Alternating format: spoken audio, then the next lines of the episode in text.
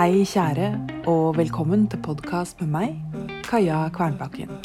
I dag med et fredagsbrev med færaminner fra Italia våren 2022. 1. I en stille bakgate et eller annet sted mellom Vatikanet og Spansketrappen finner vi en bar med en stor terrasse under trærne. På den andre siden av gaten står det en gammel mann og røyker. Han har tatt finstasen på, og i trærne rundt ham er det papegøyer. Vi ser i hvert fall fire, grønne med oransje hoder, litt mindre enn skjærer. Jeg visste ikke at det levde ville papegøyer i Italia. Jeg trodde det var noe som hørte jungelen til. Etterpå kjenner jeg igjen lydene deres andre steder i byen, og ser dem ofte fly fra én treklynge til en annen. To.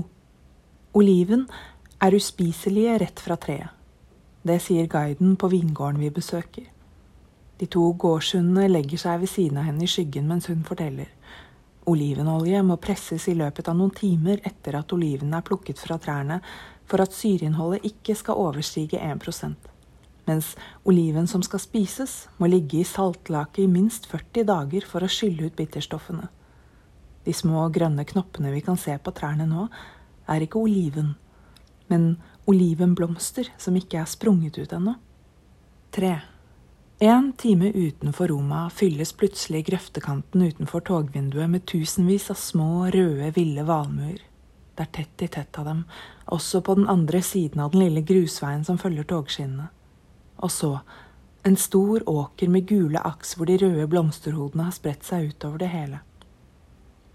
Jeg tenker på de bitte små valmuefrøene og hvor lett det må være å spre dem over store områder. Hvis vinden tar tak i frøhodet, skytes frøene ut gjennom hullene i toppen. Jeg lurer på hvor mange valmuer jeg trenger for å få valmuefrø på rundstykkene mine i et helt år. Jeg tenker på hvordan opium lages av den størknede blomstersaften fra frøbelgene til valmuen. Lag et snitt i belgen, og rull av den klebrige massen etter at den har størknet. Gjør det på tusenvis, hundretusenvis av planter. 4. På gulvet i St. Peterskirken har de felt inn gullskrift i gulvet som viser hvor stor andre kjente kirker er. Jeg vet ikke om jeg synes det er morsomt eller patetisk. Min er større enn din. St. Peterskirken er lengre enn to fotballbaner. Men det er ikke størrelsen som slår meg når jeg kommer inn. Det er fargene. Duen i det gylne vinduet i altertavlen. Menneskene som kneler i en bortgjemt krok. 5. Jeg ser på kartet at det er en stor park like ved der vi bor, og tenker at jeg skal gå dit for å skrive. Men når jeg kommer dit parken er på kartet, er det bare en endeløs bygning langs veien, ikke et tre i sikte.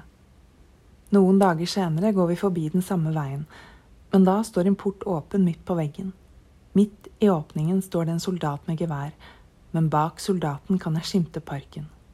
Enorme trær og palmer, men ingen mennesker foruten soldaten. 6. Over en port henger det en skytshenger. Det er en gammel dame med hengepupper. Måtte du ha gode dager. Vi høres. Stor klem. Din Kaja.